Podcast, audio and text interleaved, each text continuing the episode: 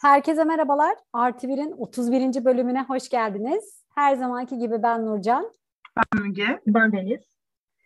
Ee, yine keyifli bir program olmasını ümit ediyoruz. Güzel konularımız var. Bilmiyorum iç sıkan bir konumuz yok diye tahmin ediyorum. yine eğlenceli ve keyifli bir program olacak. Ee, ilk başta biraz Anadolu'dan bahsetmek istiyoruz e, sizlere. E, Müge güzel bir konu başlığı getirmişti. Biz de çok beğendik. O yüzden bugün burada hep birlikte bir e, üstünden geçmek istedik. Evet, e, Anadolu'ya olan sevgimiz tartışılmaz. e, Anadolu'nun biliyorsunuz hep e, Avrupalılar yönünden, dünya yönünden önemini e, ilkokuldan beri sanıyorum konuşmuşuzdur, çokça duymuşuzdur. E, ama çok ilginç bir konu daha var aslında. Geçen e, basında hani de, denk geldiğim bir konu bu. Kayseri'de 7,5 milyon yıl öncesine dayanan fosiller bulundu. E, dev fosiller bunlar. Hani biliyorsunuz Amerika'da böyle kocaman e, şeyler e, hayvan fosillerinin olduğu müzeler vardır. Bazıları gerçek fosiller olduğu söyleniyor. Bazıları ise yapay. E, buna rağmen yapay olmasına rağmen çok yoğun ziyaretçi alan müzelerdir. Hani dünyanın dört bir tarafından insanlar gider. E, 2019'dan beri bu bulunan fosilleri çıkartmaya çalışıyorlar. O kadar çok ki e, aslında Anadolu'nun ne kadar önemli bir e, yer olduğunu bir kere daha anımsattı bu bana. E, şöyle dedi bilim adamları, Miyosen döneme aitmiş. Miyosen dönemde aslında bu e, 5.3 milyonla 23 milyon yıl önceki dönemi kastediyor. E, özellikle işte hayvanların, bitkilerin dünyada yayılımının tamamlanmaya başladığı dönemmiş bu dünya açısından. E, hayvan çeşitliliğinin de tabii ki evrim hani devam ediyor ama e, çok sayıda hayvan fosili ve bütün olarak bulunmuş. O yüzden bilim adamları çok heyecanlı. Yani dünyanın başka bir yerinde olsa sanıyorum çok hızlı bir şekilde çıkarılıp bunlar e, ziyarete açılırdı. İşte bizim biliyorsunuz Göbekli Tepe'de de benzer bir durum var. E, aslında şunu söylemek istiyorum. E, biliyorsunuz Anadolu üç kıtanın birleştiği bir köprü rolü görüyormuş. Dolayısıyla göç yollarının birleştiği nokta ve göçler sırasında o kadar çok insan, hayvan ölüyormuş ki yollarda. Dolayısıyla Anadolu topraklarında insanlık tarihine ışık tutacak çok fazla fosil var. Ve biz biliyorsunuz bunun çok azını e, gün yüzüne çıkarabildik, çok azını kazabildik. Daha çok e, ayrılan bütçe, onu da yeni öğrendim. Tarihi kalıntılara ilişkin, biliyorsunuz daha yakın tarih oluyor onlarda. E, ayrılabiliyor çünkü daha kolay ama insanlık ve canlılık tarihine ilişkin e, kalıntılar çok daha heyecan verici ve Kayseri gibi bir yani şehrimizde böyle bir kalıntının bulunmuş olması beni açıkçası çok heyecanlandırdı, çok da ilgimi çekti. Bir an önce herkes için e, ziyaret edilebilir bir hale gelmesini temenni ediyorum açıkçası ben. Ülkemiz tabii bu anlamda çok zengin. Neticede Mezopotamya toprakları medeniyetin de beşiği baktığımızda e, nasıl İtalya'da nereyi kassalar bir şeyler çık- çıkıyor ya adamların her yerinden bir tarihi eser çıkıyor. Bence hani Anadolu'da da böyle bir şey yaşanabilir. Ama tabii bizim kazmamız için belli sebepler olması gerekiyor. Mesela altın var deyince salda gözünü gölünü bile kazdık yani öyle bir şey deseler eminim hani her yeri delik deşik ederiz de. Açıklar, bir şey açıklar. Hibe paket hani fosilmiş falan hani öyle şeyler yenip içmediği için de Ama evet. dünyadaki canlılık tarihinden bahsediyoruz burada. E, Göbekli Tepe bulunduğunda da öyle dendi. Hani dünya dediler ya insanlık tarihi şu an baştan yazılacak. Yani muhtemelen başka bir ülkede olsaydı çoktan orası ziyaret akınına işte böyle hani müthiş bir ilgi haberler falan olurdu. Coğrafya kaderdir'e belki bağlayabiliriz hani buradan da. Aslında şöyle deniyor. Göbekli Tepe'de bulunan bazı şeylerin zaten aslında götürüldü. Yani hani felaket senaryoları çiziyor konumunda da olmak istemem ama ya öyle, gerçekten öyle aslında dünya e, gereken e, önemi verdiği için zaten daha sessiz kalması konusunda büyük bir çabası var. E, bizim Türkiye'de ilgi görmüyor böyle şeyler ama dünyada gerçekten ilgi görüyor. E, ve Karahan Tepe ondan da geçmişine gittiğini söylüyor aslında şu anda artık Göbekli Tepe'nin de daha geçmişi var şeklinde e, Anadolu uyanacak diyorlardı. Gerçekten hani e, o medeniyetin beşiği bir e, sanırım tekrar bir kendini gösterecek gibi düşünüyorum ben de. E, ben de hani buraya baktıklarında insan oldu. Ee, Anadolu'nun ne kadar önemli olduğunu bir kere daha bu sebeple hatırlayacağız diye düşünüyorum. Ben de Deniz'e katılıyorum. Göbekli Tepe'de aslında bildiğiniz gibi Anadolu topraklarında hani yıllardır konuştuğumuz ve üzüldüğümüz bir konudur. Hani çok sayıda tarihi eser kaçırılmış. İngiltere'de hani insanların göz önünde müzede sergileniyor. Almanya'da insanların göz önünde müzede. Bizim İtalya'da. tarihi eserlerimiz İtalya'da hani keza ama en değerliler orada olduğu için evet. Ve bunlar böyle ufacık parçalar değil yani hani dev gibi parçaları parçalar. taşımışlar, götürmüşler biliyorsunuz. Gerçekten çok üzücü. Ee, ama umuyorum ki yine talih bizden yana olacak ve hakikaten topraklarımızdaki zenginlik gün yüzüne çıkacak. Bizler de aydınlanacağız. Bunlar aslında çok çok fazla bilimsel konuya ışık tutacak e, veriler. Hani çok e, nadir rastlanan şeyler böyle fosillere ulaşmak. Bu kadar eski tarihte bütünsel fosillere ulaşmak. O yüzden gerçekten çok şanslıyız. E, sadece baharat yolumuz yokmuş yani bizden geçen. ya da ne bileyim işte biliyorsunuz işte sular, işte dört mevsimimiz bunlar da çok kıymetli. Sayabileceğimiz tarıma, tarıma elverişli topraklar falan tabii hani bunlar da burada tabii insanların e, yaşamış olmasını, bu kadar geçmişi, medeniyetin buralardan hani başlamış olmasının sebeplerinden biri. başlangıcı. Çok doğru söyledin Nurcan. Aynen öyle. Yerleşik yaşamın, tarımın, hani birçok konunun Anadolu topraklarında, Mezopotamya'da başladığını öğrendik. Gerçekten beni çok heyecanlandırıyor. Bilmiyorum. Yani şöyle düşünüyorum. Bize anlatılan, ezberletilen, öğretilen zaten o da çok kısa dönemde bir tarih var. Ama insan derinlere dalmaya başladığı zaman aslında çok daha heyecanlı bir tarih var. Hani benim o ezberlemekten, kitaplardan sıkıldığım tarihin aslında çok dışında bir gerçek tarih var. Ve yazık bilim adamları da ömrünün yettiği sürede bu parçaları herkes bir köşesinden tutup birleştirmeye çalışıyor. Ve büyük resme doğru gitmeye çalışıyor. Hani baktığınızda fizikçi de aslında bunu yapmaya çalışıyor. İşte kimyacı da bunu yapmaya çalışıyor. E, arkeolojistler de bunu yapmaya çalışıyor. Hepsi aslında aynı puzzle'ın farklı parçalarını birleştiren, e, gönül vermiş insanlar. Tarih derslerinde siz hiç hatırlıyor musunuz? Ben Osmanlı dışında bir şey öğrendiğinizi hatırlamıyorum. Hep Osmanlı tarihi. Lisede. Osmanlı. Yani şöyle Osmanlı'dan önceye de biraz gidiyorduk biliyorsun. İşte Malazgirt Zaferi falan, işte Selçuklular, Evet. Ondan sonra orası bir de sonra Osmanlı'dan sonra da işte Kurtuluş Savaşı falan Cumhuriyet'in ilanları hep daha önce de konuşmuştuk. tarihimiz bitiyor yani. Ondan sonra gelemiyor. Sonraki yüzyıl yok. Ee, dediğin gibi ondan öncesi de yok yani bir insanlık tarihi öğretilmiyor işte. Yani tarih dendiği zaman ağırlıklı savaş gördük yani. O savaş olmuş, bu anlaşma imzalanmış, topraklar şuradanmış, şuraya gelmiş. Şimdi oraya gitmiş, orayı kuşatmış falan filan yani hepimiz bunları öğrendik. Yani çok nadir hani e, böyle daha detaylı şeyler gördüğümüz. E, bence de çok daha zevkli ve keyifli konular ele alınabilir buradan. Hani biraz daha böyle bu devletlerden falan bağımsız konulara gelebilsek e, öğrenciler için de bizler için de bence çok daha güzel olabilir. Ya şeyde çok özür dilerim. Beni şeyde mesela çok heyecanlandı. Belki benim hani şeyim e, geç öğrenmişliğim de Afyon'da 14 milyon yıl öncesine ait tekerlek izlerinin olması. Ben bunu öğreneli daha bir iki sene falan oluyor. Frikya. Frikya. Aynen. Evet, aynen öyle. O çok ilginç, çok, çok. heyecan verici şey. Ben herhalde evet, onunla ilgili insan yok. Evet, bir 10 tane falan YouTube videosu izlemişimdir yani. Gerçekten çok ilginç ya. Şu anda hani o derinlikte bunun bir kere tekerlek izi olduğuna emin bilim adamları dünyanın dört bir tarafından gelmişler. Frikya Vadisi'ne. Yanlış söylemiyorumdur umarım ya. Evet. Ee, ve hani tekerlek izlerinin derinliği inanılmaz. Yani hani nasıl bir şey orada hareket etmiş. Bu arada e, uzun bir mesafe yani böyle hani 100 metre 200 metre bir şey de değil. Onu bulunca nasıl anlıyorlar acaba ya? Yani, yani bakıyorsun orada anlamamak bir... mümkün değil. Yani hani açıp görsellerine ya da bir videosuna bakarsan e, gerçekten çok net. E, kimse hani bunu konuşmuyor. Ne kadar ilginç. Hani aldır savaşları konuşuyoruz. İşte din savaşlarını konuşuyoruz. İnsan toprak savaşlarını konuşuyoruz. Ama baktığınızda bu işte e, Mezopotamya, Anadolu'daki göçler, işte ırkların oluşması, insanların hani hayatlarının canlılık çeşitleri, işte bugün geldiğimiz... oluşması. Evet, evet, evet, aynen öyle. Yani hepsi aslında üst üste konmuş taşlar gibi. Sanki buraya hop anne babamızdan sadece bulduğumuz hayatlara gelmişiz gibi. İşte bu Deniz senle çok e, ilgimizi çekmişti biliyorsun. Genlerimizde taşıdığımız bu izler ki yedi nesle kadar e, taşıyoruz.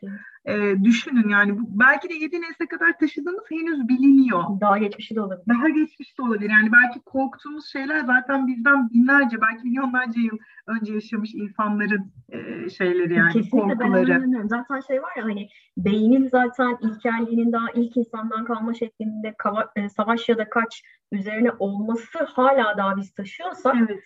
kesinlikle hani büyük büyük büyük babalarımız. Sapiens bu yüzden çok meşhur olmuş olabilir mi? Yani inanılmaz popüler oldu ya Sapiens. Bir anda hepimizin çok Anladım. rahat okuyabileceği, evet. e, çok kolay anlaşılabilir e, ve bir tarih kitabı. Tamam. İnsanlık... Evet bir araya toplamış. Bir evet. Yani ben hatta Nurcan gerçekten okuduğumda şey düşünmüştüm. Yani bunu bir kişi yazmış olamaz yani. Hani insanın ömrünü akıl. hani bir insanın ömrünü bu araştırmaları yapıp sonra da yan yana koyup o özeti yani müthiş bir bilgi çünkü o. Gerçekten evet. ben Kozmos'ta da bunu e, şey yaptım, hissettim. Mutlaka siz de izlemiştiniz diye hatırlıyorum hani Kozmos belgeselinde. Ya ben Kozmos'a başladım ve 3-4 bölüm seyrettim. Sonra Netflix'ten kaldırdılar Kozmos'u. Hmm. Eminim. Halbuki şu anda da eminim vardır. Çok rahat ulaşabilirim. Çok rahat ulaşabilirim. Emek vermeye değecek bir seri. E, o da müthiş. Hem şey yani çekimler de mükemmel, anlatım da mükemmel. Ben oradaki şey sahnesini aklımdan silemiyorum. İşte bu insanlığın var olduğu tarihi böyle bir ölçekli şeye oturtmuşlar.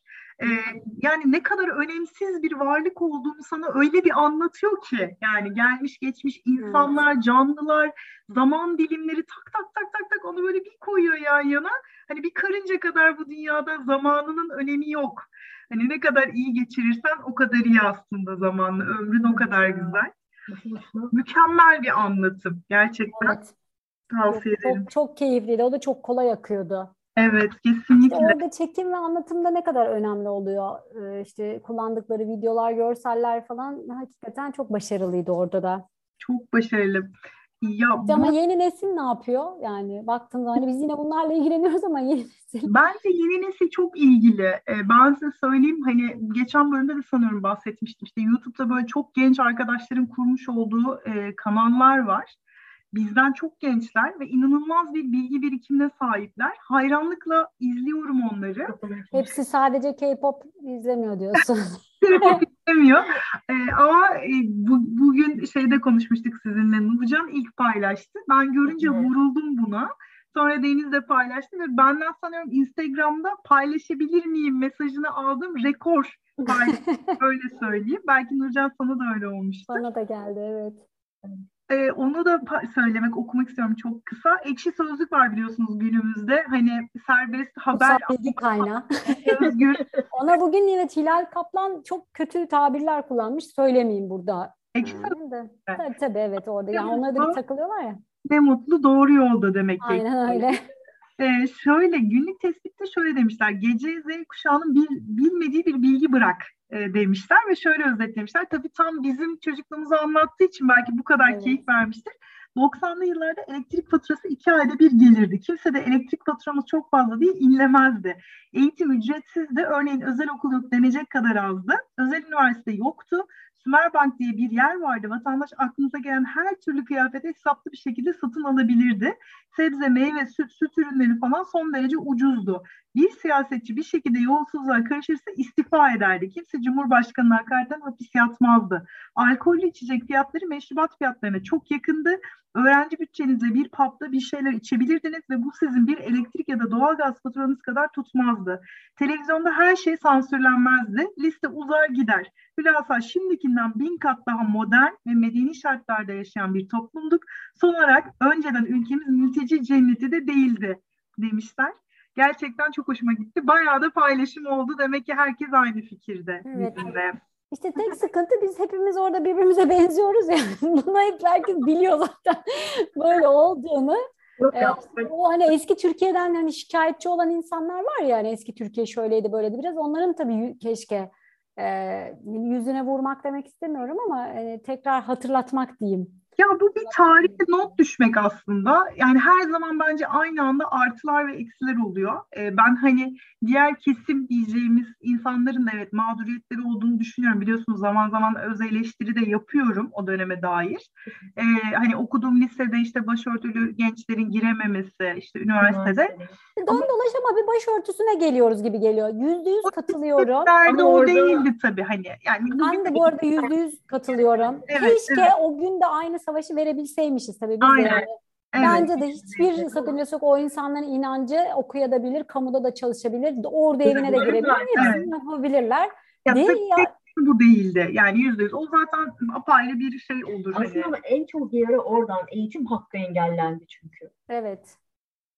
Yani Aynen öyle. belli yani... bir kesimde gerçekten yara çünkü eğitim hakkı engellendiği için gerçekten bu konuda şey yapanlar var. Yani onun arka başka şeyler de var tabii ki de. Şimdi bazı şeylerin biliyorsunuz hani e, haksız kazanç da diyeceğim buldukları işlerle kazançlarla geldikleri şu an bazı yerler var. Bazı işler var. Ondan sonra hani normalde belki giremeyecekleri işlere e, baktığımızda bugün girdiklerini düşünüyorum. Bir kazanç elde ettiklerini düşünüyorum o kesiminde. Bununla bizim toplumumuzda aslında güzel bir harmanlanmaya yol açtığını düşünüyorum. Çünkü baktığınızda evden çıkamayan, işte Deniz'de söylediği gibi eğitim hakkı kısıtlanan bir kesim vardı. O evden çıkamayan kesim bugün alışveriş yapıyor. Bugün gidip kafede bir kahvesini tek başına içiyor. Başında bir erkek olmadan kendine dair bir kazancı var. İşte çocuğuna kendi almak istiyor. Yani kendi ayakları üzerinde duran bir kesim var. Aslında burada bir harmanlanmanın da olduğunu düşünüyorum. Ama bu akşamın konusu bu değildi. da, evet yine tutamadık. Başka bir zaman belki yine konuşuruz.